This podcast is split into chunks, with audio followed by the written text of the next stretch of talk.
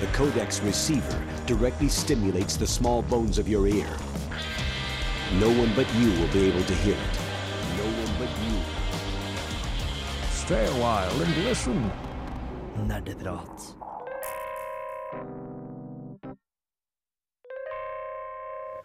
Oh, og det er eh, jeg, Andreas, som er tilbake for å lede denne utgaven av Nerdeprat.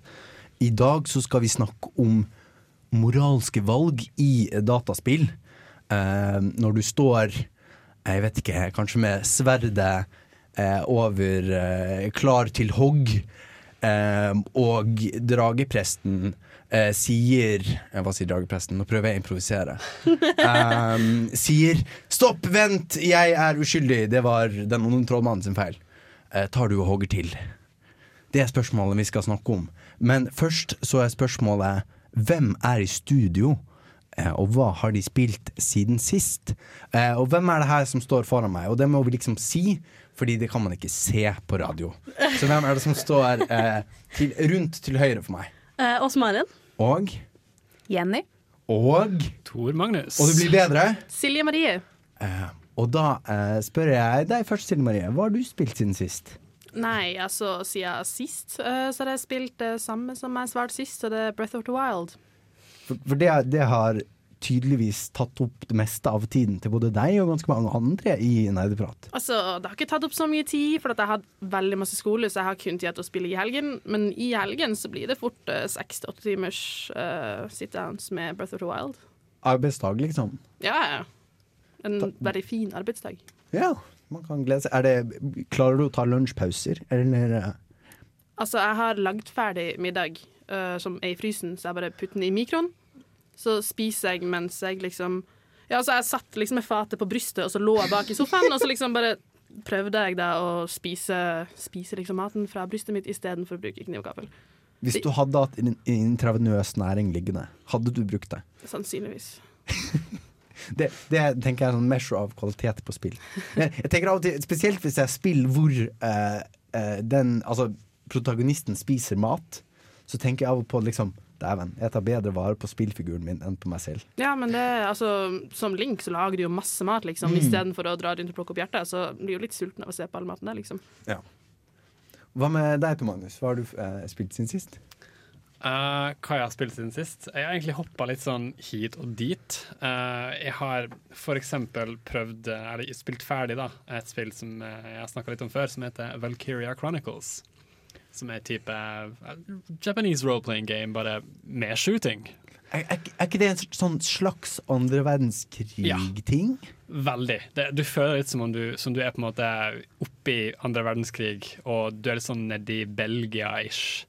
Uh, Sandwicha midt mellom to gigantiske stormakter som har lyst til å liksom invadere landet ditt og ta alle ressursene du har.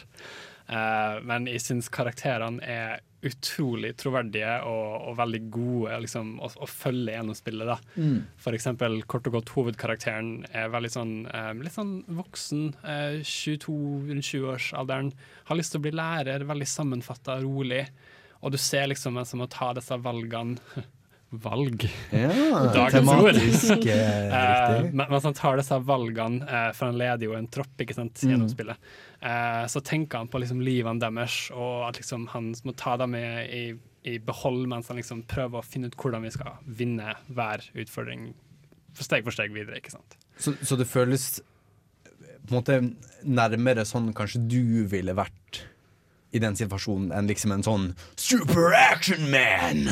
Hadde jeg vært i en krigssituasjon, Andreas, så hadde jeg hylt veldig, veldig høyt. Du hadde ikke vært den eh, fattede lærertypen. Nei, jeg hadde nok gjemt meg, tror jeg. Men, men eh, om, om ikke som du Men altså at du kan gjenkjenne deg mer på en måte enn liksom noen som For det jeg ofte tenker på spill, altså liksom hvor unaturlig det virker når folk liksom har lyst til å være i krig fordi de syns det er spennende eller gøy, eller Altså hvor fjernt det virker for meg, da. Mm. Men her er du noen som kanskje er mer men menneskelig. Ja, ikke sant? Han tar Mm. absolutt vare på det menneskelige, det vil jeg si. Spennende.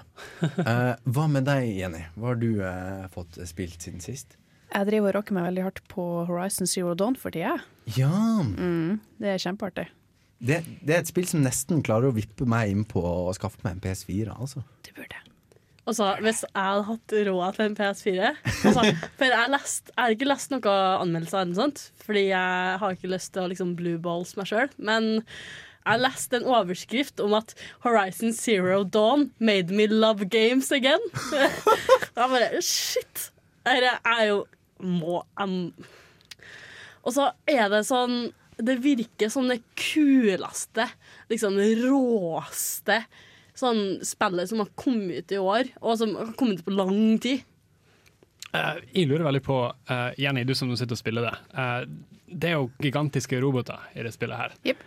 Og jeg er veldig glad i store roboter. Kan, kan du fortelle meg mer om dem? OK. eh, ok, ok. N- Noe av det som er kjempekult med alle de forskjellige typer robotene, det er jo det at uh, de imiterer virkelig dyr, så du kan møte på gigasvære krokodiller, eller snapmås, som det heter. Og alle de forskjellige robotene har forskjellige typer uh, beholdere på ryggen som er forskjellige typer materialer. Da er da gjerne frost eller ild. Du kan eksempel, om du greier å skyte en av ildkanistrene, så vil hele greia eksplodere ta damage på den, den sjøl og ting rundt. Og en av de største tingene du kan møte på, det er en Thunderjaw, som basically er en gigasvær T-rex-aktig greie. Som er det skumleste du kan møte på for første gang jeg så den. Jeg så den langt, langt i avstand og bare ja, den der var ikke så stor, kom jeg nærmere, og da bare velta den over et. Og, og jeg bare liksom OK, faen! Og så drev den og skanna etter meg, fordi de har sånne sensorer. Og, og, og det som er veldig kult med mobsene ellers i spillet, det er at det føles ikke bare som at Ingen av de føles ut som at det er noe som du bare meier deg gjennom. Hver eneste en er en utfordring. De, de har en taktikk. Om, om det kommer to stykker av kraftige fiender på deg, så er det skikkelig skummelt. Og, og du, må, du må tenke taktisk. Du må bruke de forskjellige våpnene du har. Og mm, kampsystemet er generelt veldig tilfredsstillende. Har du spilt Shadow of the Colossus? Nei. Nei.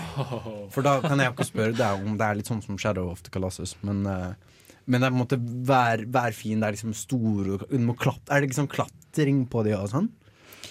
På ene type fienden, som, som ikke er en fiende, det er bare en stor langhalsrobot som blir brukt mer, mer som watchtowers. Ah, okay. Mm. Så du kan klatre opp på den og få oversikt over andre rundt deg. Ikke som Shadow Og så man har på en måte i stedet for å ha sånn radio towers, så har man uh, sånn roboter som man klatrer på for å liksom yep. få oversikt over Å, fy. Jævlig kult, er det ikke? Og Og må han sjekke bankkonto. Um, Nå har jeg spart eh, eh, deg og meg til sist også, Maren. For jeg vet, jeg vet hva vi har spilt. Og jeg vet at jeg, vil ha, ok, jeg er egoistisk. Jeg vil ha et eget uh, egen liten seksjon som handler bare om det.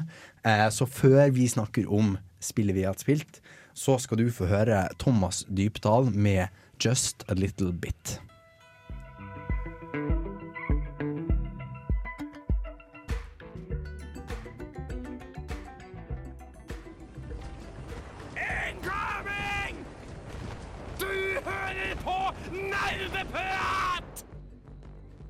Det var Just a Little Bit av Thomas Dybdahl. Uh, Og før det så fikk vi høre hva Silje Marie, Tor Magnus og Jenny hadde spilt siden sist. Eh, og jeg mener jeg har vært litt, eh, litt egoistisk og fæl. Eh, for nå har jeg på en måte spart eh, det jeg og Åsa har spilt, og vi har spilt det samme Ja. siden sist.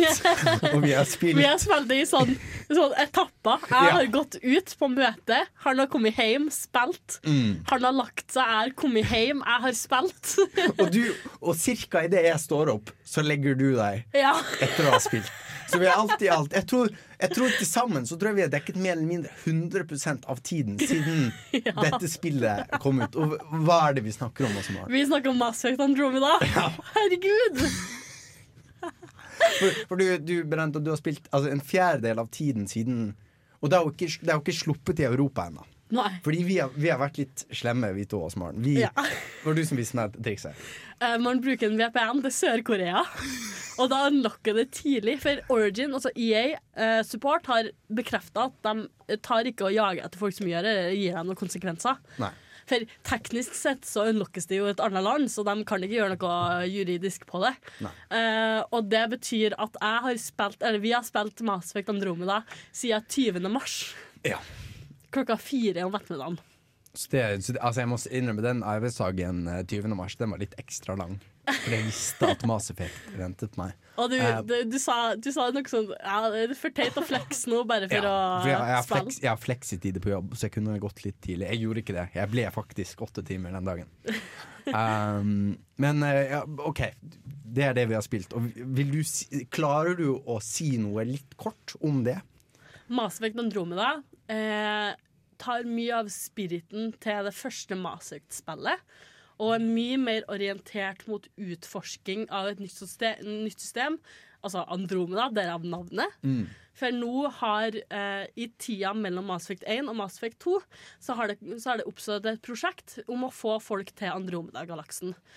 Og eh, det som har skjedd da, at man har vært i sånn cryostasis, at man har vært frosset ned i 600 år.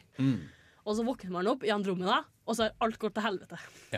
Og det er, en, det er en interessant løsning på problemet hvordan skal man Altså fordi man, man som spiller kunne man gjøre ganske mye valg i Mass Effect 2 og 3, og hvordan skal man på en måte til Og i Mass Effect 1 Og hvordan skal man tilpasse de valgene til et nytt spill? Det blir liksom bare enda mer Altså Universet blir jo bare mer og mer forskjellig. på en måte Ja. Så hvordan skal man lage et spill som er tilpasset alle de forskjellige variantene av det universet? Så det man har gjort, er bare sagt helt annet sted.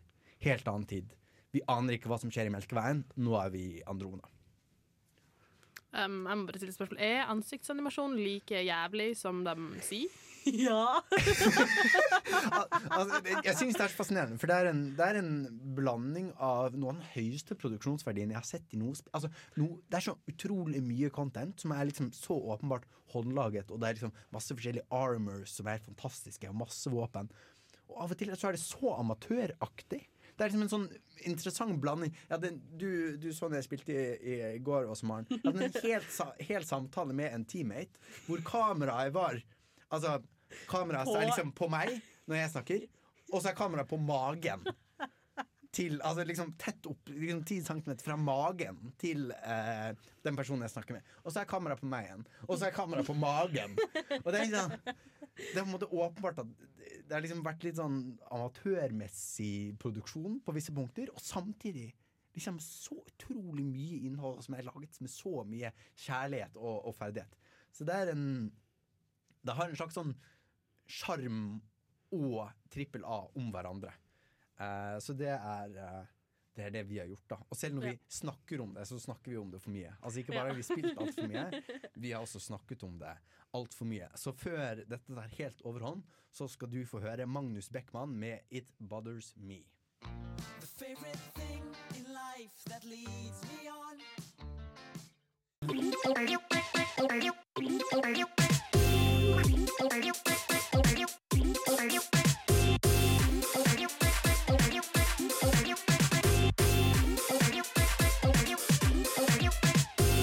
Nerdenytt. Her får du Nerdnytt, og for at jeg ikke skal snakke mer om Mass Effect, så gir jeg ordet til Tor Magnus. Hva har du av nyheter til oss? Det skjedde så fort at jeg ble skikkelig tatt på hetta. Men, eh, men vi skal ha nyheter i dag. Og blant annet så skal vi snakke litt om Mass Effect, faktisk. Eh, For, for det er jo noe aktuelt som har skjedd der eh, innenfor animasjonene, som ble kort nevnt her. Eh, Vi skal også snakke litt mer om et populært eh, spill på Apple ah, All the words! iOS, that's the word I'm looking for. Uh, vi skal også snakke litt om uh, noe som En liten analyse som har blitt gjort. Uh, i, Jesus. I dag er ikke TM sin dag, folkens, men nyheter blir det nonetheless. Vi starter med Overwatch. Overwatch har jo kommet ut med en ny hero som heter Oriza. Jeg vet ikke om vi sa det riktig, fordi vi jeg spiller egentlig ikke Overwatch. Men Så vi, treng- men vi er glad i deg likevel, TM. Bare Så det, det, altså det er på nærnippen, men det går greit. Tusen takk, Andreas. Så jeg trenger litt hjelp fra, fra dere som har spilt Overwatch her. Uh, Oriza er jo det nyeste medlemmet i, i rosteren til Overwatch her. Ja. Og uh, Oriza er en, en slags anchor tank, blir det beskrevet som. Ja. Uh, kan, kan du fortelle meg litt mer hva det betyr? Altså det, det Fram til nå, så har på en måte hvis du spiller en Overwatch-match, så må Reinhardt være med. Ryan, Ryan er en helt som Når du høyreklikker, så har han et stort skjold Mm. som måtte, dine teammates kan skyte gjennom, men Finn kan ikke skyte på deg. Og han er liksom den nåværende liksom, tank-tanken. Ja, ikke sant? Du har andre helter som har mye liv, og som kan gjøre litt beskyttelse, men det er liksom ingen andre som kan måtte holde en posisjon på samme måten. Og de har tenkt sånn, de vil at det skal være flere valg når du, hvis du skal Enten hvis du skal angripe en posisjon, sant, så må du liksom gå mot fienden over et, over et åpent område. Og for at du ikke skal bli liksom fullstendig beskutt, så må det være et eller annet som beskytter deg. Mm. Så Orisa kan gjøre litt det samme som Reinhardt, bare at hun måtte, skyter ut en liten sånn dings, og så lager den et skjold. Hmm. Så der på en måte Reinhardt følger med skjoldet, så kan Orisa skyte der et par meter for, eh, framover, og på en måte åpne skjoldet, og så kan man gå bort dit. Så det er litt forskjellig, men har litt samme funksjon, at man på en måte kan beskytte seg mens man angriper gjennom Mer sånn utility, på en måte. ja. Eh, så det har litt andre bruksområder, så det blir spennende å se. Jeg har prøvd eh, li altså fordi Før de slipper det offisielt, Ah. så har Overwatch det som kalles public test realm, som man kan logge inn på og prøve liksom før ting er helt ferdig. Mm. Så jeg har prøvd å Orisa litt bit. Eh, men da spilte alle Orisa, så jeg fikk ikke en hel altså, For alle var sånn 'Jeg vil prøve Orisa!' Mm. Ja, så det var liksom fem Orisaer mot fem Orisaer. Uh, så det ble ikke helt uh, måtte, sånn det blir i game, men det blir spennende å se.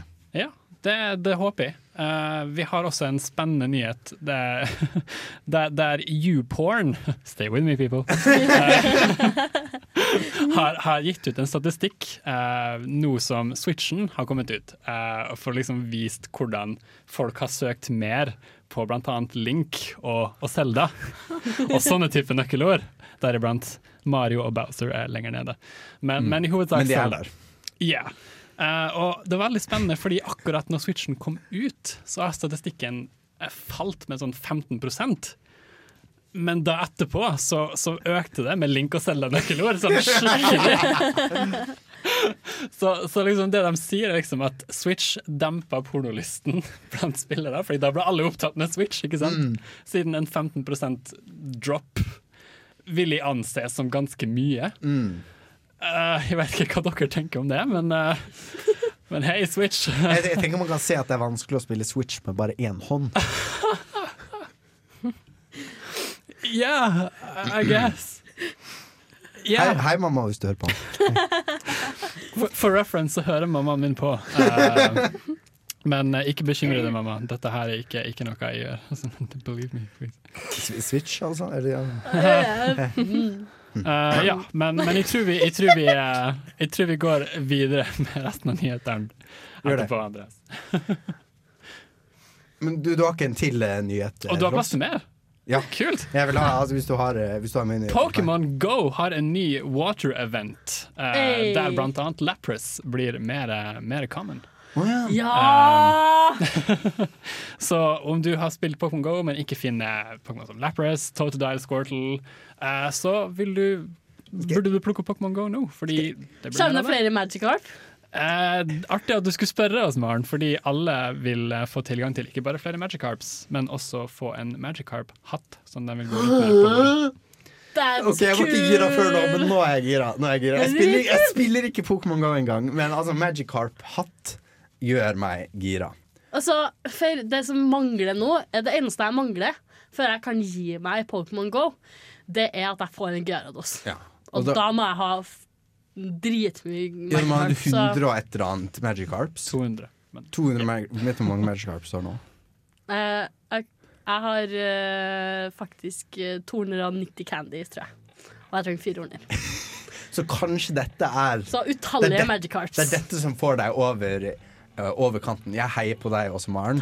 Nå får du hike med 'Nothing Left To Say'.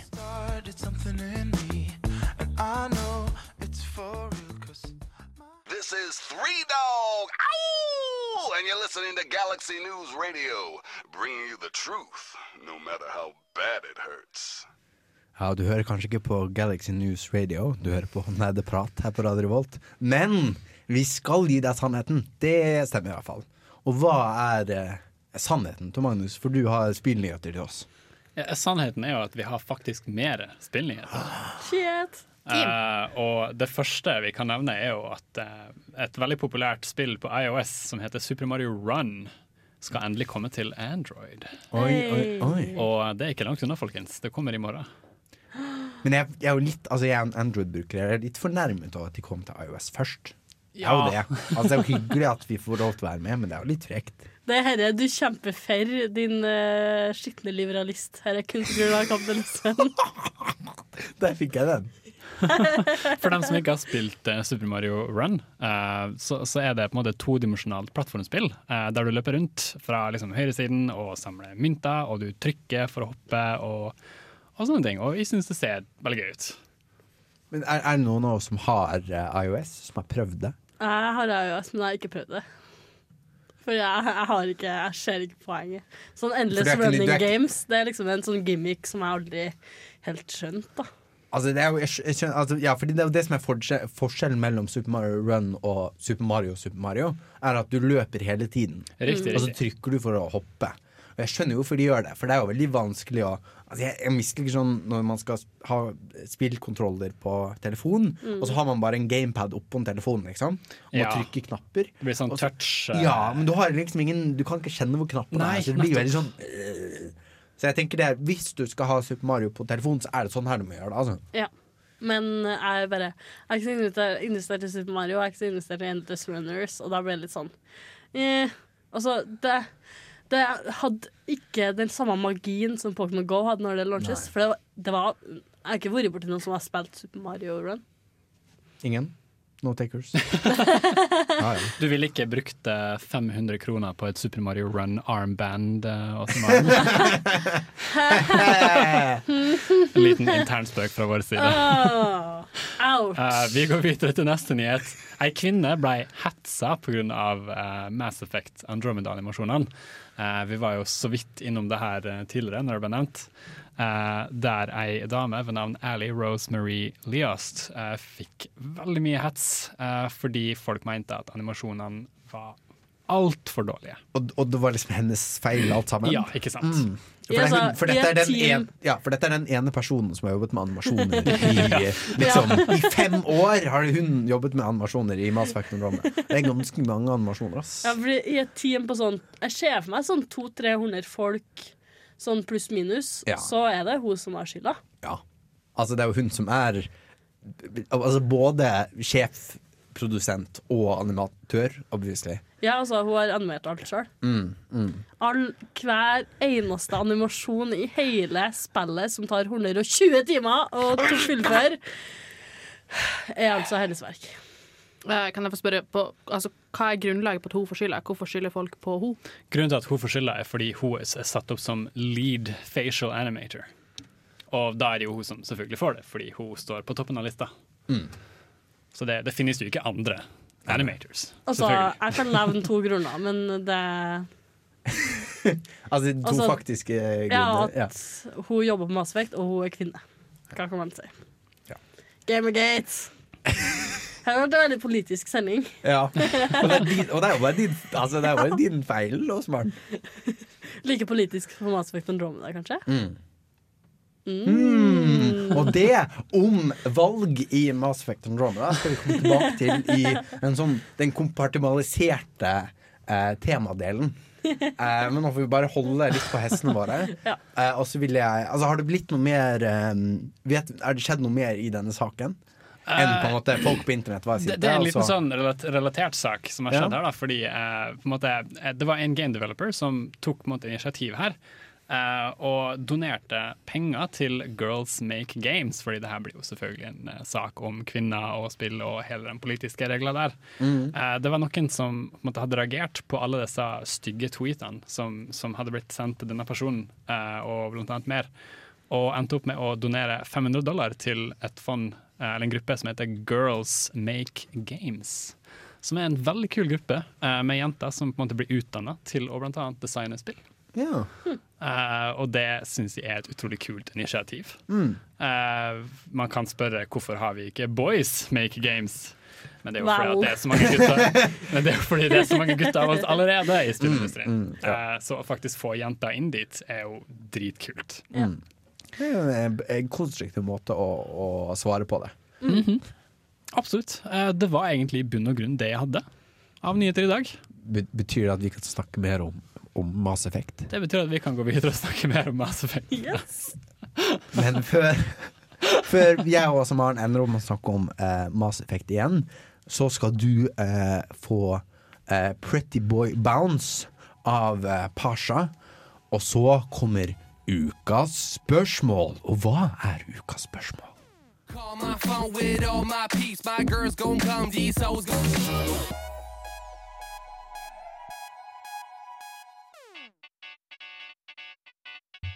Når innså du at du var en gamer? Dersom du kunne spilt kun et spill i et år Hva er det eldste spillet i backloggen din? Og du var på en øde øye i helvete mens du var 11 år gammel Hva har du lært fra spill som du har fått nyte av i hverdagen? Er det et spill som har hjulpet deg gjennom en tung periode av ditt liv? Hva er ukas spørsmål? Ja, og nå får dere ukas spørsmål på direkten. Dere har ikke fått noe tid til å forberede dere, så nå må dere tenke litt fort. Uh, for jeg har tenkt ukas spørsmål i forbindelse med at vi skal snakke om moralske valg i dataspill. Er spørsmålet hva er det vanskeligste valget du har gjort i et spill? Hvilke sånn eh, Redd prinsessen eller eh, Redd landsbyen, eller måtte, altså, Som en spillkarakter så måtte du gjøre et valg inn i spillet. Hva var det som var vanskeligst å gjøre? Jeg har faktisk svaret mitt allerede. Fordi når, når jeg tenker et vanskelig valg, så er det ett valg som popper inn i hodet mitt. Og det er fra Mass Effect 3. Her er en spoiler. Spoilers! Men uh, det er et fem år gammelt spill, så ærlig talt, hvis du ikke har spilt det, it's on you, man. Mm. It's on you. Men eh, jeg tror det vanskelig- vanskeligste valget som ble tatt, som jeg tok der, var rett og slett um, Skal jeg redde vennen min, eller skal vennen min ofre seg sjøl Eller skal jeg gi vennen min lisens da, til å ofre seg sjøl for å gi en kur til en hel rase med folk? Mm. Eller altså en, En hel hel art. En hel art. Mm. Fordi i Mass Effect 3, så er det, eller i hele Mass Effect-serien, så plages en rase som heter Krogans av noe som heter the genophage, som betyr at eh, liksom sånn 99% av ungene blir født dødfødt. Mm. Så de får eh, i praksis ja, ikke til å reprodusere seg.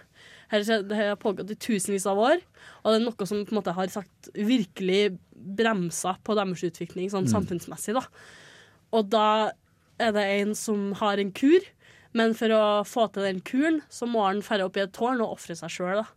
Og da står du mellom skal jeg la han ofre seg sjøl, en av mine veldig, veldig gode venner som har vært, vært med meg veldig lenge, eller skal jeg redde denne arten?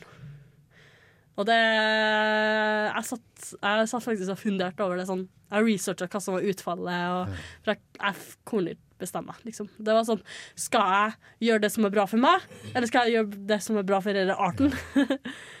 The needs slutt- of the many or the needs of the few. Ja, Mm. for det gjør en Star Trek-referanse. da. Ja, og det, og det er jo på en måte sånn gjennomgående spørsmål i mange av Mass Effect-situasjonene. Men nå tar jeg det vi skal snakke om siden litt på, litt på forhånd. Er det noen andre som har fått tenkt? eh, tenkt hva som er deres valg? Ja, Jenny? Eh, en av de tingene som hopper i hodet, mitt, det er også noe som ligner litt på det Maren snakka om, og det var den siste store avgjørelsen man måtte gjøre i Life is Strange. Ja. Hvor du må eh, velge mellom å ofre Vanskelig å unngå spoilers, da. bare, bare lay it on me. Hvor du må unngå å eh, eh, Hvor du må velge mellom bestevenninna di, som du har brukt hele spillet på å connecte til, og Bestevenninne? Bestevenninna som man liker kjønnsorganet på, kanskje. Alt ettersom. Men eh, eh, du må velge mellom å redde henne eller å ofre henne mot å redde hele byen. Mm. Og alt det her involverer tidsreise, så om du ofrer henne, så må du også eller om du, om du ofrer henne, så vil også spillet resette deg sånn at du går helt tilbake, og ingenting av det, det du har spilt, har skjedd. Og det er ganske vanskelig, da, fordi på den ene sida så har du hun du ja, elsker, alt ettersom. Og på den andre sida så har du liksom en by med folk som du egentlig ikke er så connecta til, men det er jo mange flere enn én person. Mm. Og det, der, der satt jeg en god halvtime og bare ja, nei, ja, nei. Og der, og der står du der og spiller liksom durer og går og Ja, ja, ja, musikken og hele Mm. cutscene, og de står mot hverandre. Jeg, jeg bare har det stått sånn en halvtime mens jeg var der. Og de stirrer på hverandre intenst og liksom beveger seg sånn litt pustig. Ja. Men akkurat det, jeg tror ikke de klarte å pulle off den, eh, det vanskelige valget helt. For for meg så var det kjempelett. For jeg antok bare at ja, men de, de, alle dere folk hadde sikkert bare gått i kjelleren og kommer til å overleve dere orkanen uansett. Mm, headcanon. men det var jo det at, at re- rett før spillet så hadde man kunne gå rundt bl- blant alle de folkene som sto helt stille på det punktet der, så man så hvor alle var, og alle hadde bare prøvd å gjemme seg inn i restauranten og sånt, og de var fucked om Ja, for, tornadoen ja til fordi, fordi tiden står stille. Så du kan se alle de menneskene som kommer til å På, i, et, I i spillet så kunne man det. Man kunne gå fra hver person til person og se de indre tankene om Oi. den personen du er. Om liksom, Wow. å ja, det er han der, ja, han er en fin fyr. Mm. Ja. Hva, hva endte du opp med å gjøre? Jeg endte opp med å ofre bestevenninna mi, og det, og det er det hardeste jeg noen gang har gjort. Ah. Men, men det var en skikkelig fin avslutningsscene. De, de kyssa, og de sa farvel, og så gikk alt i helvete. For Ja, fordi det syns jeg var mest frustrerende, for eneste måten å få et kyss fra henne på, er å ofre henne. Det er sugd. That's deep, man. det var, men det var en veldig vakker scene. If you love her, let her go, liksom. Åh. Damn. Har du, kan du følge opp dette? Ja, med mindre Silje Marie sitter på noe Altså, jeg tenkte noe, så sånn, jeg kommer ikke på noe egentlig som har vært sånn Som har gjort sånn inntrykk at jeg husker det som en sånn Det var det store eh, spørsmålet. Men i Super Mario 64, når du skal ta pingvin til pingvinmammaen, ikke sant? Så er jo den Skal jeg kaste den utfor, eller skal jeg gå til pingvinmammaen? Hvorfor, hvorfor skal du drepe en, et pingvinbarn? Har du, har du ikke spilt det spillet? Har du ikke kjent den cravingen når du bærer den? Det eneste jeg vet, er Altså, du følte et behov for å, for å drepe et barn. Et pingvinbarn. Altså, var- altså alle, alle som har spilt Super Mario 64, kan, kan ikke med hånda på hjertet si at de ikke har kasta pingvinbabyen utfor det stupet. Det er kanskje et eller annet med at Fordi det er en teknikk at liksom det, du, du løfter pingvinbarnet på samme måte som du løfter alle andre ting, Ja, ja. steiner eller whatever. Opp sånn. Opp over hodet, mener jeg. Så det er, på en måte, det er med at det er bare så kost, kastbart. Ja, ja, det, det er en liten pingvin, og det, det er en stor Altså, du er på ei øy som svever i lufta. Du har jo lyst til å kaste den utfor. Litt. Ja. Ja, ja. Ja, det er sånn ah. Det er jo det som er greia Det er med, med Super Mario, med er Super Mario liksom- 64. At du, du, du har en øy som er i lufta, og du kan falle ned på sidene. Så det er veldig fristende etter at du har plukka opp den pingvinen, og bare kaste den. Jeg har bare lyst til å se hva som kommer til å skje. Det er liksom yeah. å slippe noe ned i en brønn. Ja. Bare at det er en søt, liten fjærkledd dings. We're terrible people. Yeah. Men, okay, uh, men, men nå, som, nå som du spurte meg, altså, jeg, jeg- har faktisk uh, noe her. Uh, fordi jeg har spilt Phoenix Wright-trilogien. Ja, På- det advokatspillet. Ja. Um, og i det tredje spillet, nå blir det litt spoilers, men det her er veldig veldig gammelt, så jeg håper at det her går bra. Um, i, I det siste spillet så var det slik at den trofaste assistenten din som har vært med deg fra dag én, ei jente som heter Maja, hadde blitt eh, kidnappa. Eh, og greia var at du fikk valget mellom å på en måte du, du skulle, Han fyren som på en måte var klienten din, da, eh, han var egentlig the bad guy. Men du skulle liksom gjennom denne prosessen late som du skulle beskytte han. Yeah. Men du visste jo hva han hadde gjort, og du ville på en måte finne han skyldig. Mm. Men det var noen på utsida som da sto klar til å ta livet av Maja. Og du fikk valget om å på en måte si at nei, han er faktisk skyldig, og da ville de ta livet av henne. Eller du kunne på en måte si at nei, nei, nei, han er, han er fri, han har ikke gjort noe galt. Og da ville de la Maja Men er, er det du som er forsvarsadvokaten? Du er advokaten, du er Phoenix Wright. Du er forsvarsadvokaten hans? Ja. Men Skal ikke du da beskytte han uansett? Er ikke det din, din plikt som advokat? Nei, fordi han var jo egentlig the bad guy. Ja, men eh, det, det er min forståelse av, av eh, Skal ikke alle fortjene å beskyttes? På en måte, men når du veit altså I dette spillet her, da, så, så visste du på en måte at han fyren du nå eh, er assigned til å beskytte, er en utrolig slem bad guy. Mm, mm. Og sannheten må frem, ikke sant? Uh, ja, uh, som advokat så er jo ikke det egentlig å få sannheten frem som er jobben din. Sånn advokaten til Anders Behring Be Breivik, ja, Anders Mm. Breivik, han visste jo hva Breivik hadde gjort, men han gjorde jo sitt beste Ja. for å forsvare han, for det er det han får betalt for å gjøre. Det er veldig sant. Men nå skal det sies at Phoenix Wright og virkelig lawyering er ikke helt, ikke helt likt. Igjen er det politiske Ja, men det er på en måte Man kan ikke skille Altså, spill er representasjoner av virkeligheten. Og kan derfor, derav ikke skilles fra virkeligheten. Det er en påstand. Det er en påstand. Og den påstanden er jeg villig til å forsvare. Men eh, før jeg gjør det, eh, så skal du få høre en låt av en som heter Mac DeMarco. Eh, han eh, spiller låta My Old Man. Du hører på Nerdeprat.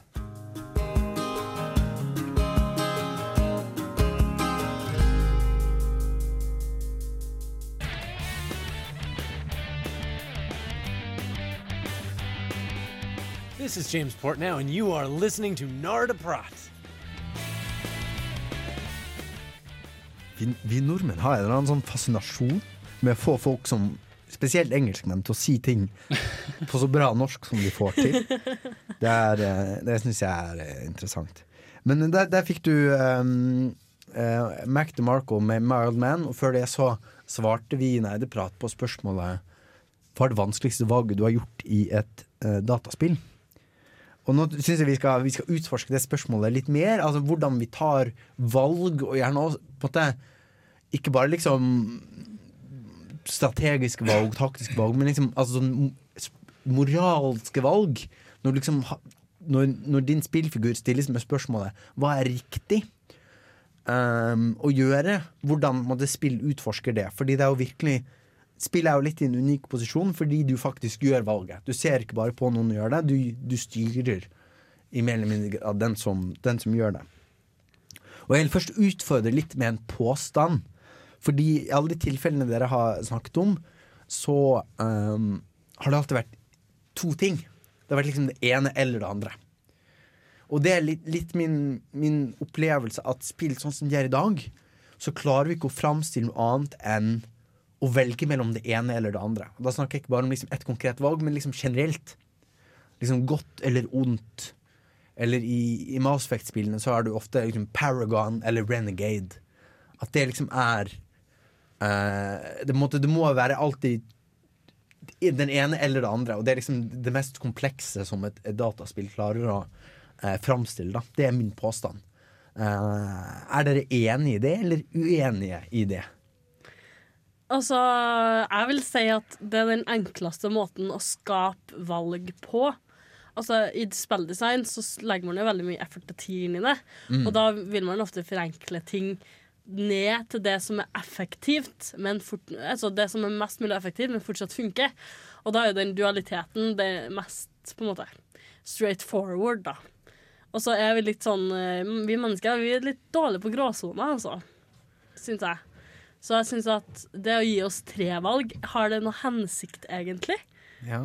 For, altså, du sier man får ikke nødvendigvis noe særlig mye mer av tre valg enn to valg. Ja. Ja, det er kanskje, kanskje sant. Hva tenker du, Thea?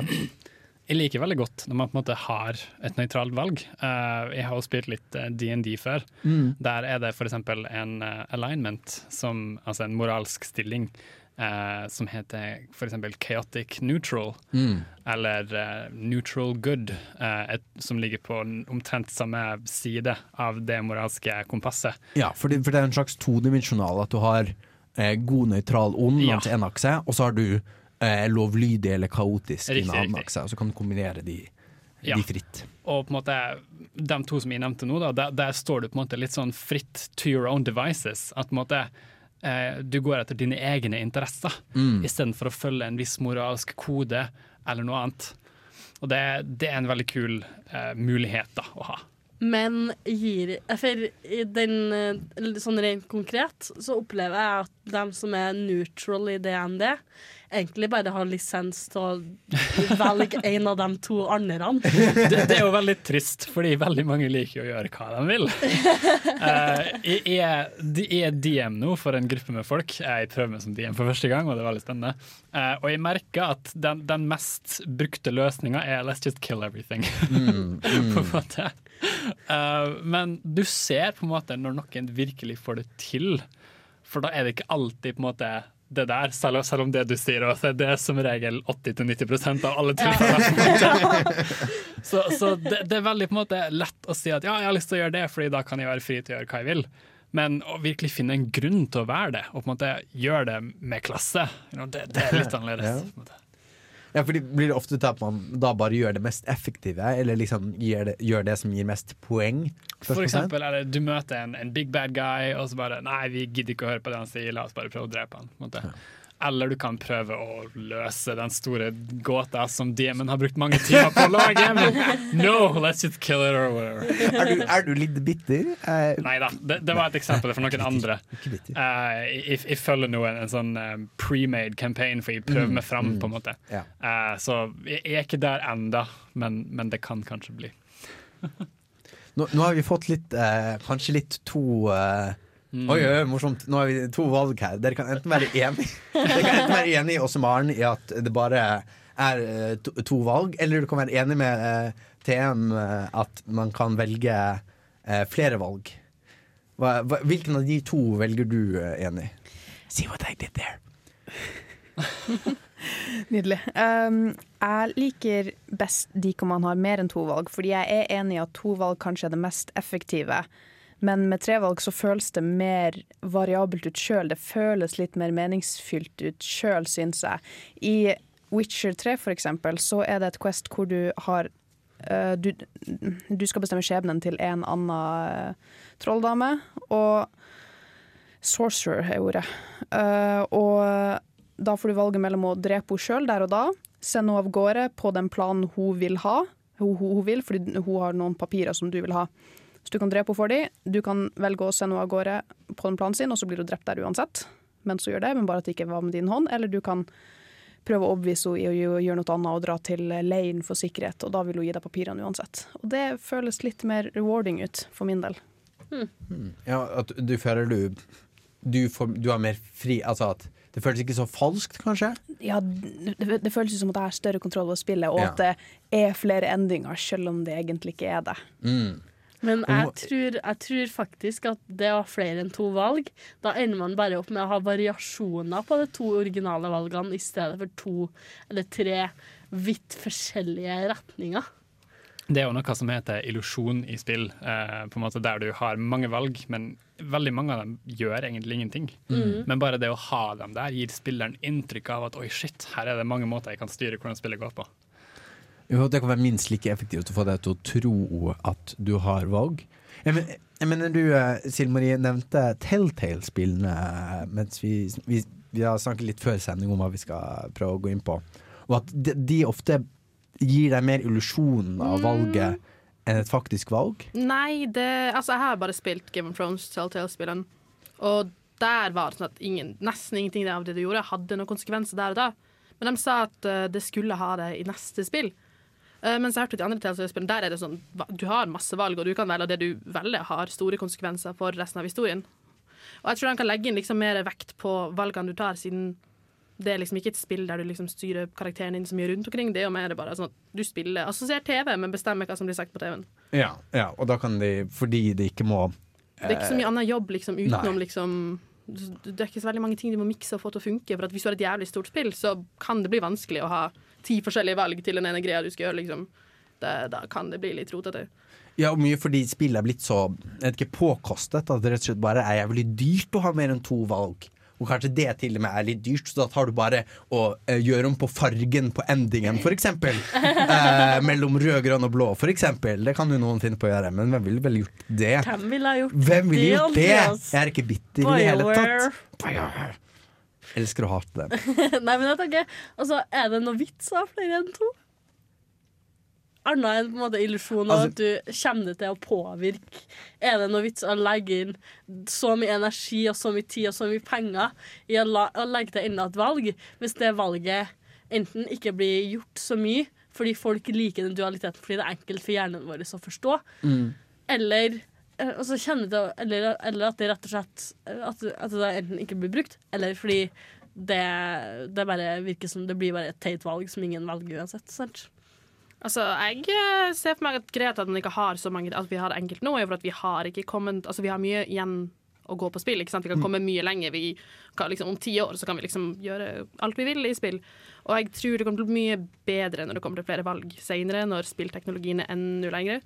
Og jeg til å Altså, jeg ser fram imot når jeg kan bestemme alt som skjer liksom, i et spill. Hvis jeg spiller et RPG og jeg kan bestemme alt, så Mm. blir jeg veldig glad. Har du hørt om Sims? Ja, men så bare tar, tar vi mikse Sims, og så mikser vi Skyrim, og så bare alt. Mikse Sims og Skyrim. Og Sky Sims. Sky Sims. Um, nå har vi sagt litt om uh, hvor mange wow-uting kan være. Svaret er to. Um, men nå skal, nå skal, etterpå så skal vi snakke litt om hvordan vi tar de valgene. Men først uh, Julia Brine gir deg Sleepwalker her på uh, Nerdeprat, spillmagasinet på Radio Revolt. Radida til bardaga. Ja, ra ra radida. Ja, til bardaga. Nerdeprat på Radio Revolt! Ja! Ja, for nå har vi jo snakket om uh, hvordan man tar valg i, i dataspill her på Nerdeprat. Um, og litt om hvilke valg man tar, og hvilke valg som er vanskelige. Men nå vil jeg spørre dere litt hvordan tar dere de valgene som du uh, også står der, um, og du må, må velge om du skal sende din, en av dine beste venner uh, for å dø, eller om du skal dømme en hel art til liksom evig uh, fortapelse. Mm. Det, hvordan, altså tenker du hva, ville, hva er det jeg ville gjort? Tenker du Hva er det Shepherd, altså den jeg protagonisten, ville gjort? Eller tenker du hva er det jeg har lyst til å se?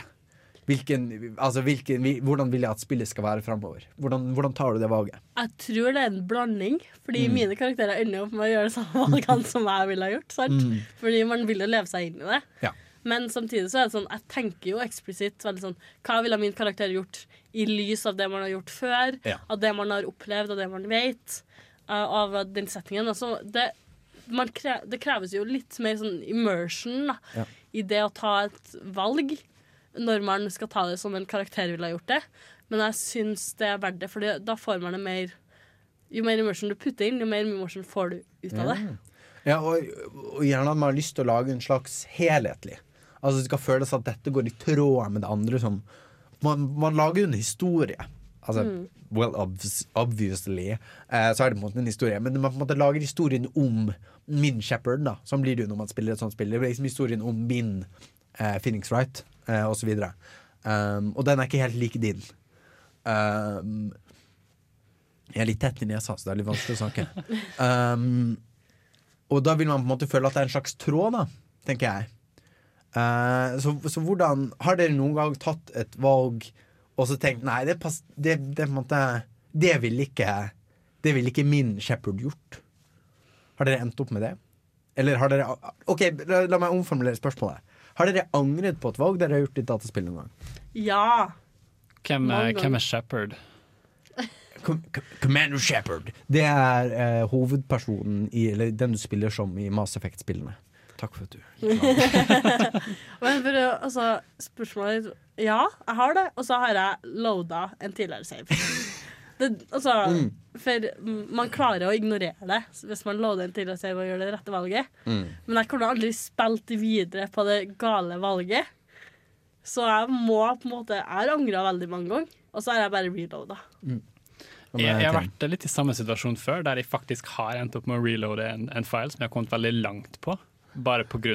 en dum avgjørelse. Mm. Jeg tenker også at dette her med hva man angrer på i spill, er en veldig aktuell nerdeprat drinking game. Og vi har jo to nye i studio, så jeg er veldig interessert på å høre hva, de, liksom, hva er det, det mest de har angra på av et valg i spill. Om noen av dere har lyst til å bare skyte inn. Hvem vil begynne? Hvem vil begynne? Altså, jeg er ikke noe spesifikt som jeg tenker på, liksom. Uh, men jeg er litt på den at hvis jeg har gjort et valg i et sånt spill der det, valgene dine har noe å si, Mm. Og jeg ikke liker outcome etterpå, så går jeg ikke tilbake igjen. For det var det jeg gjorde, det var det jeg fikk karakteren til å gjøre, og da er det vel den han er. Uansett om det var bra eller dårlig. Da er liksom det gjort. Kan ikke er tilbake igjen. Ja, spist. Jeg vet ikke om eh, du har hørt om eh, Until Dawn? jeg har hørt om dem. Ja, eh, Jeg så blant annet Markiplier spille det.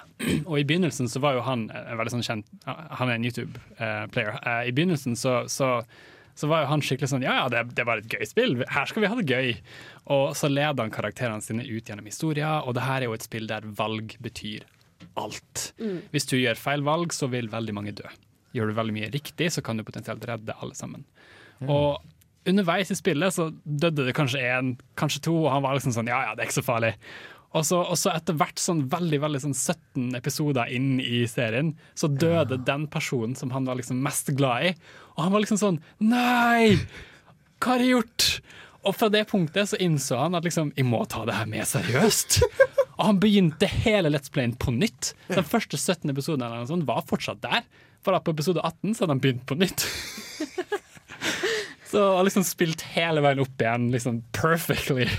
For å redde Ja, den ene karakteren. Det er, altså Når du angrer så mye at du finner på ditt eget time travel plot inni spillet, bare sånn for å Ikke sant? Fordi da levde han seg inn i det. Da var det ikke bare Mm, karakteren han spilte. Da, da var det han. Sånn, han følte det. Hva med deg, Jenny? Har du Det er jo på en måte to spørsmål i luften. da Litt hvordan, du, hvordan tar du valg, og har du angra? Jeg kom ikke på noen spesifikke punkter hvor jeg angra, men jeg vet om ett punkt hvor jeg rett og slett var litt eh, kald om saken.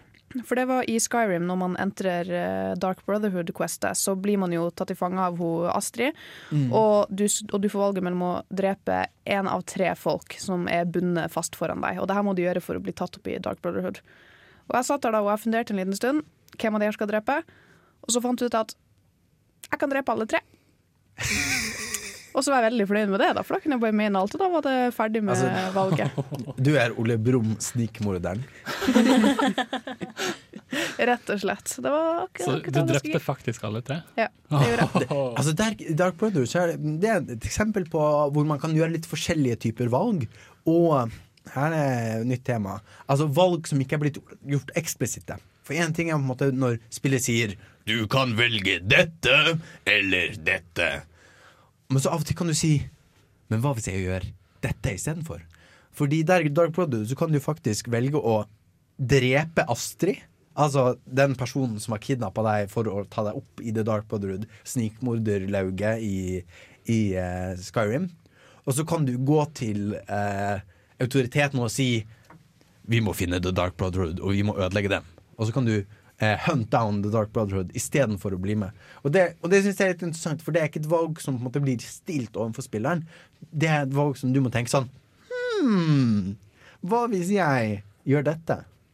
Det er akkurat det der. Fordi det er valg som ikke er tilgjengelig for deg, men hvis du tenker litt utafor boksen, eller ser Mm. litt rundt Oi, det er faktisk noe mer her.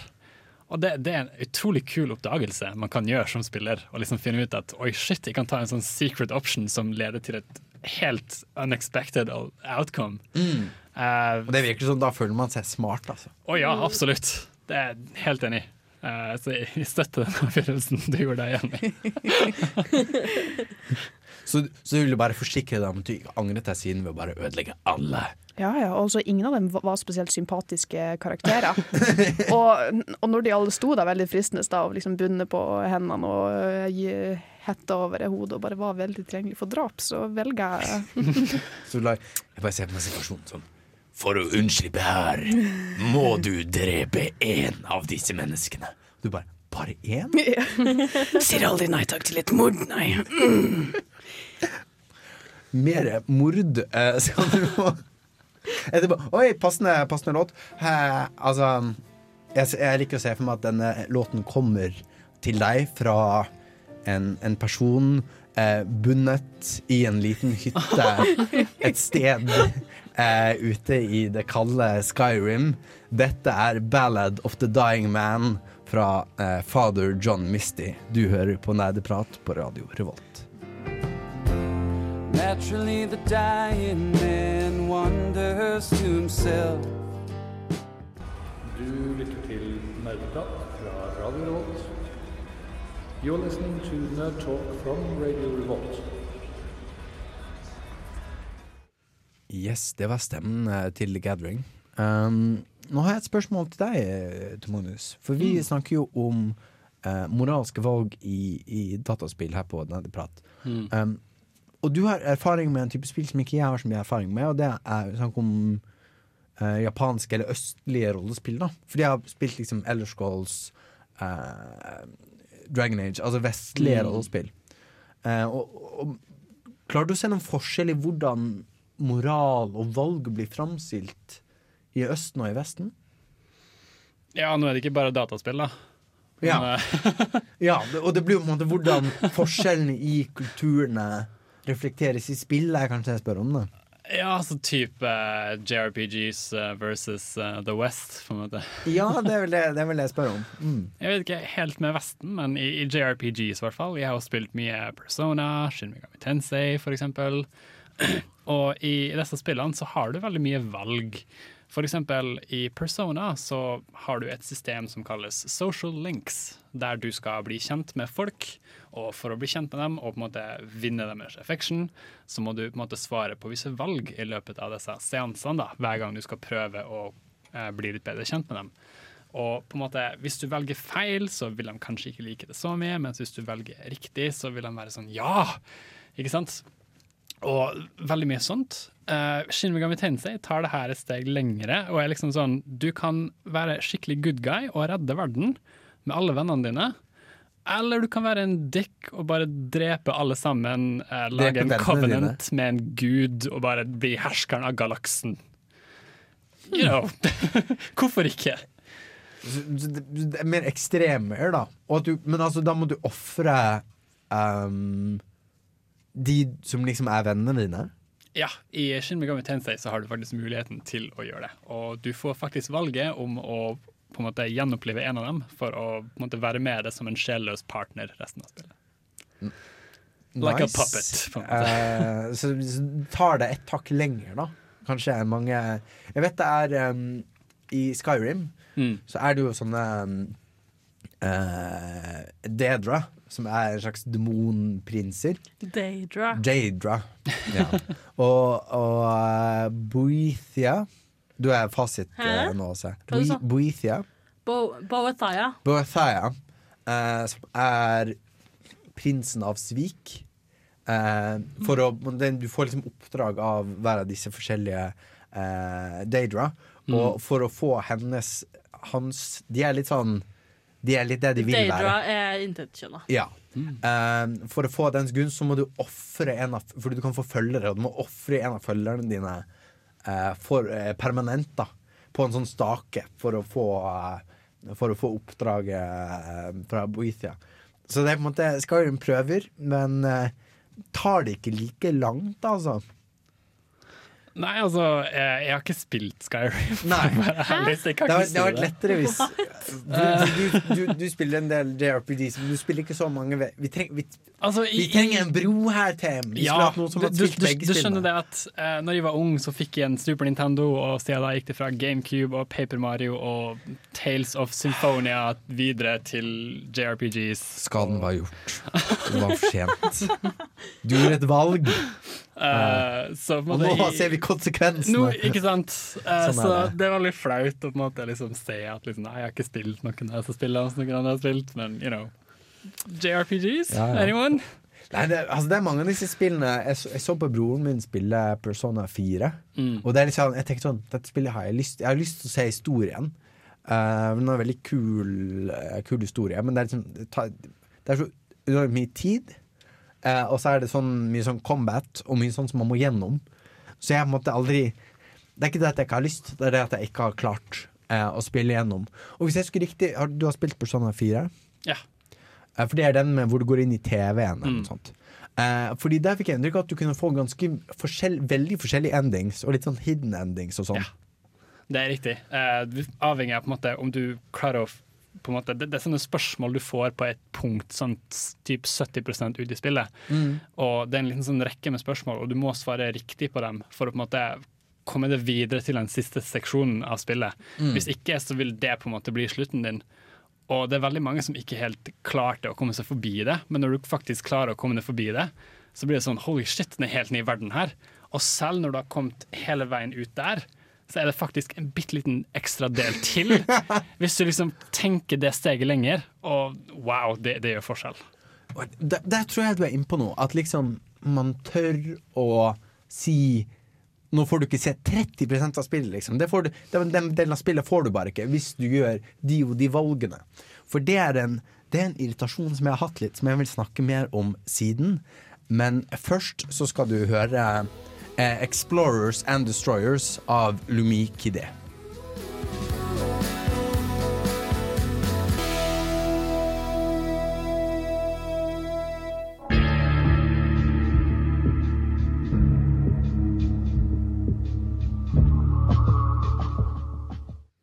Du hører fortsatt på Nerdprat på Radio Volt, eh, spillmagasinet her.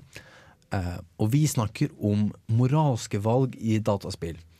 Eh, og du, TM, var inne på noe eh, interessant, som jeg tenker litt en forskjell på Det er forskjell på de spillene du har spilt, og de spillene jeg har spilt. i hvert fall jeg vet, kan, Vi kan kanskje trekke det til en forskjell mellom uh, japanske spill og vestlige spill, Mm. kanskje. Fordi det du sier, er, i Persona 4 så kan man liksom bli låst ute fra 30 av spillet hvis man velger uh, Hvis man ikke velger riktig. Og det er noe som har irritert meg. Nå kommer jeg til å snakke om Mass Effect igjen. Det skjer liksom hele tiden. Det er ikke til å unngå. Uh, men som, eh, mye av det som liksom er uh, dualiteten i Mass Effect, det er liksom hva er du villig til å gjøre for å klare oppdraget? Og liksom, hva, liksom hvem er du villig til å ofre, hvem er du villig til å skyte?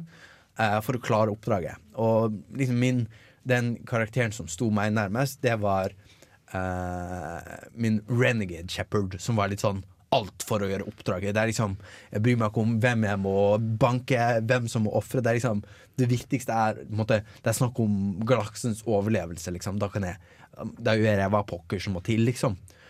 Uh, og det er jo kult. Men samtidig så vet jeg jo liksom hvis for eksempel, for eksempel, eh, Et godt eksempel i eneren.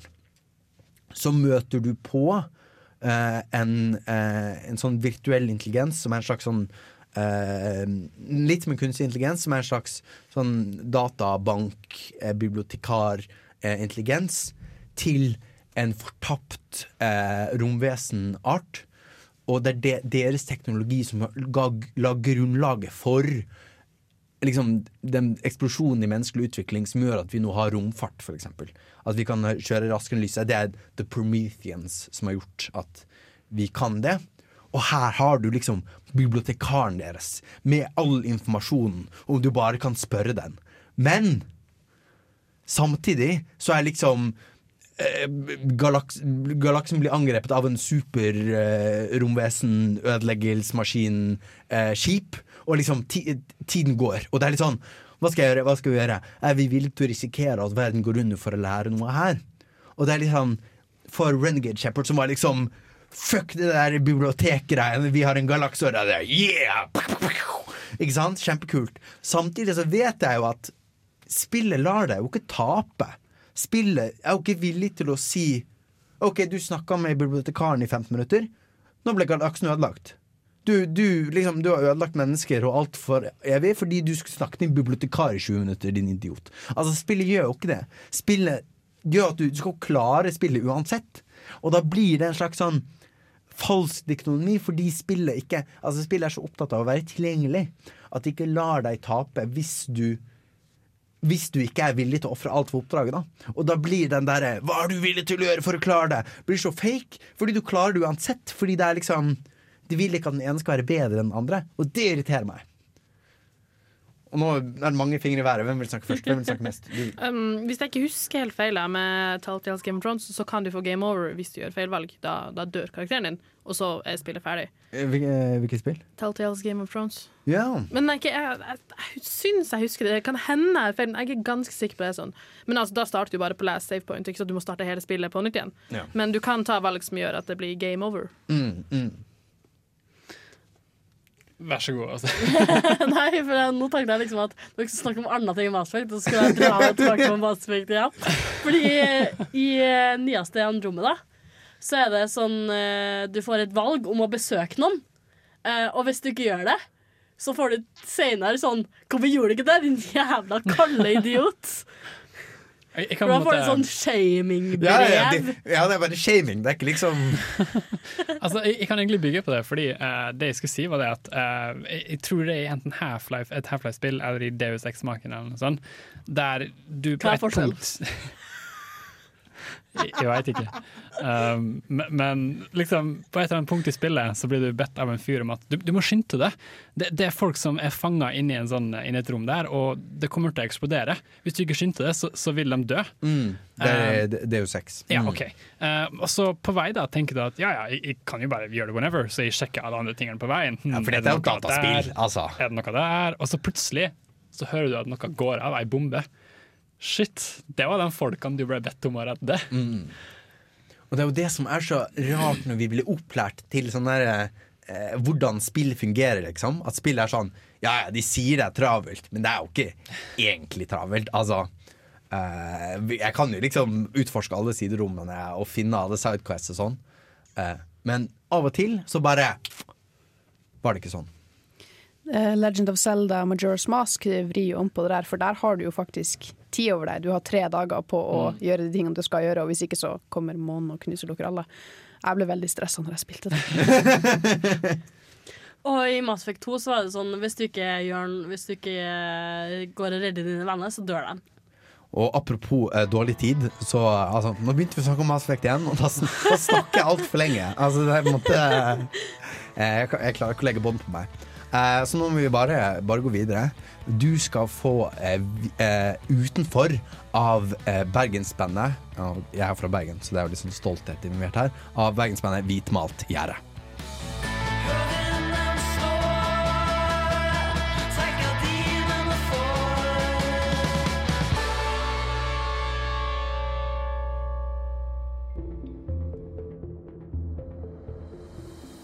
I'm Commander Shepard, and this is my favorite show on the Citadel. Den er helt eh, genuin eh, fra den faktiske Commander Shepard. um, Av det milliardene av Shepherd som eksisterer, så har vi en del ekte Shepherd som har Eh, hørt om based, based on a true story, little known fact. Um, vi snakker om eh, moralske valg i dataspill her på Nerdeprat. Um, og det er jo sånn når man tar valg, så vet man av og til Så vet man liksom konsekvensene av det. Og av og til så vet man det ikke, og det er litt forskjellig. Og jeg føler at begge de to blir utforsket litt i, i The Witcher. Og det har, det har du spilt, Jenny. Ja. Uh, I en av mainquestene da, så har man eksempelvis valget om å drepe en sånn ond ånd i et tre, eller å slippe den fri. Og korttidskonsekvensen av det her det er jo det at sånn øyeblikkelig så kan du velge mellom å redde en veldig sånn, koselig gruppe med barn fra noen onde hekser, som bokstavelig talt vil spise dem. uh, og eller du kan ofre de ungene da for å redde en større porsjon med folk. Og det som også er greia er at etter at du har tatt valget ditt, så er det jo de øyeblikkelige tingene som skjer, men i sekvensen etter det så er det også en litt sånn større ting som skjer da med en av hovedpersonene i serien, da. Basically en av hovedpersonene ender opp halvveis lykkelig, eller i et veldig grovt selvmord. Og så her har du altså velg mellom å gjøre en god ting først, som ender i en ond ting etterpå, eller gjøre en ond ting først, som ender i en god ting etterpå. Ja. Og, og den, den umiddelbare tingen får du egentlig vite. grov, litt sånn ja, halvgrovt sett. Du, du, får en inkling til hva som skal skje. Ja, for det, for det er en ting som går litt igjen i The Witcher som jeg syns er interessant, og det er ofte så sier de 'a word once given'. At måtte, det er ofte lureri ute og går. Du kan ikke alltid stole på folk, men en gjenganger er at hvis folk har lovet deg noe, så holder de det. På en måte Selv disse onde heksene som skal spise barna, hvis de har lovet deg noe, så følger de det. Og da føler jeg det blir litt mer sånn Det er lettere å ta valgene da når du har litt anelse om konsekvensene. For hvis du ikke aner hva som kommer til å skje, så blir det litt sånn Å ja, men det visste jeg ikke at kom til å skje. Da føler man på en måte ikke ansvar på samme måten. Tenker du, Opplever du det når du sitter der inni, sitter inne i treet og må avgjøre om du skal slippe løs ånden eller ikke? Ja, man gjør jo litt det, da. Men, men det som var spesielt rart, det var, det var den konsekvensen etterpå som man ikke visste noe om. Ja, ja Som kommer og Ja, biter deg i ræva. ja, ja. Du trodde liksom Å, jeg gjorde riktig ting. Eller eventuelt du tenkte Fuck de ungene. Ja, det var det jeg tenkte. Jeg drepte alle ungene. Ja ja, det gjorde ikke jeg, da. Jeg tenkte, jeg er faktisk, det var faktisk der uh, reloada jeg. For det som er så ondt med dette spillet, da The Witcher er litt slemt. De, først så tar det at du blir tvunget til å leke gjemsel med disse hyggelige barna. Så du blir sånn kjent med dem, og det er litt sånn 'Å, hei, onkel Gerhard', hei! Og så er, litt, og så eh, er du sånn 'Å ja, de skal bli spist, ja'. Så det er faktisk eh, Der tok jeg først å ikke slappe løs ånden, for jeg stolte ikke på den. Og så bare Da måtte jeg bare reloade. Men det spiller ganske mye om på nytt igjen, fordi jeg tenkte jeg må, jeg redde de ungene. Så det var min sånn eh, valg du angret på, da. Jeg syns det var litt sånn her eh, fredelig når jeg gikk tilbake til den leiren hvor ungene var, og det bare ikke var noen unger. Bare. Ingen som driver og hyler og skråler. Ja, Det var koselig. det. Dette klarer ikke jeg å sette meg inn i. Vi har allerede etablert i Nerdeprat at vi liker ikke barn. Jeg føler at det kommer igjen og igjen. Nei, jeg, jeg, er liksom andre, jeg er liksom han med det myke hjertet. Noen passer på alle. leker gjemsel. Um, og det, og det, det, det tenker jeg når vi skal komme tilbake til dette her med eh, Hvordan kan man føle ansvar når vi ikke helt har kontroll? Um, men eh, før vi eh, kommer inn på det flotte ordet agens Et av mine favorittord. Agens. Eh, så skal du få høre 'Fantasiflukt' av Drøm.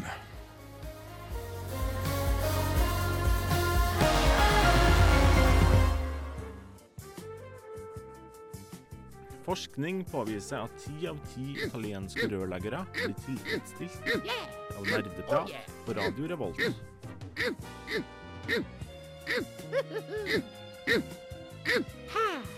Radio Revolt. Marios favorite. Om det skulle være noen tvil, så hører du på Nerdeprat på Radio Revolt. Eh, og vi snakker om eh, moralske valg i spill. Eh, og når vi satt og diskuterte dette på forhånd, Silje Marie, så sa du noe jeg syntes var veldig interessant. Eh, du sa noe sånn som eh, Mener vi bare da um, de eksplisitte sånn A- eller B-valgene, eller liksom all, man bruker vold i spill generelt? Ja, ja, altså du har jo sånn Du kan jo si det, Hvis du spiller Selda, så har du jo Link som da driver og dreper eh, alt han kommer over. Altså, det, det er jo ikke snilt gjort av han, selv om han er liksom the good guy. Mm. Men altså, det er jo sånn, sånn det er. Men liksom, da kan man stille spørsmål Altså, er du en good guy egentlig? Når du holder på sånn? Ikke at du har noe valg når du spiller Selda. da må du jo faktisk drepe alt. Nei, for det er jo det som er litt vanskelig. At, måte, til hvilket ansvar kan vi som spillere ta når måte, Du har ingen Altså, du har en knapp for å slå med sverdet, men du har ikke noen knapp for liksom Kan vi sette oss ned og finne en fredelig løsning? Kan vi øh, er det ikke noen øh, Altså, hva, hva, hva, er du, hva er det du vil?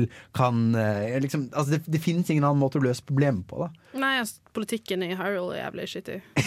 Vi skulle ha fått en uh, ordning. Få det, for det i regjering. regjering. Det hadde vært uh, nice.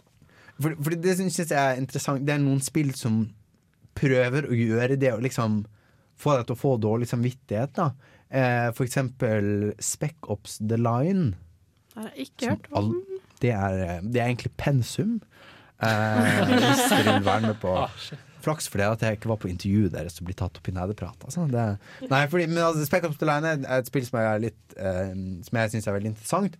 Fordi den på en måte prøver å stille litt spørsmål med vold i, i dataspill. Da, og på en måte hvor naturlig det er. Men samtidig så eh, det gir jo deg ikke så mye valg.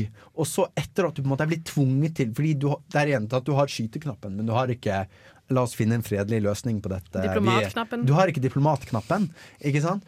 Men samtidig så er det sånn eh, Liksom sier andre i spillet sånn 'Du er helt syk, du bare skyter alle!' Og det er litt sånn Unnskyld, men jeg, jeg har ingen annen måte å snakke på. Men Dishonor, da. Der kan du jo velge å drepe alle, eller ikke drepe alle, og det har jo konsekvenser for hvordan ending du får på spillet. Mm, Så det mm. er jo det, Jeg liker det med det spillet. Ikke at jeg en gang får den gode endinga. for Jeg, har- jeg er ikke tålmodig nok til å ikke drepe alt. Nei, for det er gjerne vanskeligere også å, å ikke drepe. Så da blir det på en måte å fortjene den gode endingen. Jeg hørte om, om Dishonored at en av de første tingene som skjer, det er det at du kan velge mellom å la en gruppe folk få den maten de trenger, eller å ta den sjøl. Men den eneste konsekvensen for å gå inn og drepe alle de her uskyldige folkene som bare vil ha maten, for at du skal ta den sjøl, er det at kjæresten din blir sint på deg etterpå. Er det infamous? Nei, det er Dishonored? Nei, hvis jeg husker meg sånn, så har liksom kill-counten din hvor mange du har drept i løpet av spillet, sånn i, uavhengig av hvordan scenen eller hvordan liksom, av spillet her skjer i, har noe å si for måten spillet slutter på. Så liksom Er du sikker på at du ikke jeg, tenker jeg, på jeg, jeg er ikke helt sikker nå om det var sånn det var. Jeg kom på hvordan spillet jeg tenkte på, men jeg husker ikke hva det heter. For er det, super, er det superheltspillet? Eh, en film ja, Strøm. Ja, det er infamous. Ja. Mm. Syns det hørtes litt rart ut på Mm. stedet. Infamous, dishonored. Uh, det er jo litt sånn samme Men, men eh, honored og famous. kjæresten blir bare sint på det. Ja, hun står der etterpå bare og liksom De skulle Har du, har du drept noen folk igjen, da? Ja, ja. Ja, så Hva er det vi det- snakker om? Det er jo det spørsmålet jeg får hver gang jeg går ut og dreper noen folk. ikke sant? At kjæresten min blir veldig sint for meg. Men nå kan vi gå hjem og spise middag, men ikke, la oss ikke snakke om dette her igjen. Liksom. Har du gjort det igjen, liksom? Ja. Sur i mange timer etter at du har middag til ja, ja. folk. Ja, det, er, eh, det er tungt. Det, det, er, det er sånn at det er nesten ikke verdt det. Nesten ikke verdt det. Det er derfor eh, Liara er min kjæreste, for hun blir veldig sur på meg. Selv når du har drept folk for å ta maten deres Selv når jeg har drept folk for å ta maten deres. Waifu. Men Infamous er et litt interessant eksempel. For det vil jeg si um, uh, Fordi det er jo sånn Du kan velge rød eller blå, og du får uh, Altså hvis du vil få liksom good guy-kreftene, så må du alltid ta the good guy-valget. Og hvis du tar bad guy Hvis du vil ha bad guy-kreftene, så må du alltid ta bad guy-valget. Så det er liksom hvis du prøver å liksom mikse og trikse litt, så blir du egentlig bare ingenting. Du blir liksom straffa. Ja, det samme skjer med Mass Effect. Mm. For du blir, lønn, du blir belønna for å ha fullt i en av dem. Altså Paragon eller Renegade. Ja. Men hvis du eksempel blir 50-50, så blir det litt sånn hva skal, Da blir spillet litt sånn Hva skal vi gjøre med deg, da? Hva skal Altså, vi fuck gjøre med deg, deg? liksom. Hva, hva er greia? Er det da jeg skal skyte inn og si at i Shin Megami Tensei så er det en stor belønning for å havne midt på treet på moralkompasset. Og du får en veldig sånn secret neutral ending som er, veldig, som, som er ansett som canon, altså den egentlige. Og den er veldig vanskelig å få til, for du må liksom time det på en måte sånn gjennom historien. Og når du ender opp der, så er liksom alle folkene rundt deg litt sånn Holy shit, du er faktisk midt på treet, du. Du er bare zen. Ja. Men er det ikke, liksom, måten å være midt på tre er ikke å liksom velge midt på tre hele tiden. Det er å velge liksom annenhver ond god, ond god. Da blir man liksom balansert. Så det er, det er fasitsvaret. Velg ond god, ond god, litt sånn annenhver. Så blir du, da blir du Buddha, rett og slett. Um, apropos Buddha, her får du You Are eh, Nei, du får bandet 22 med You Are Creating. For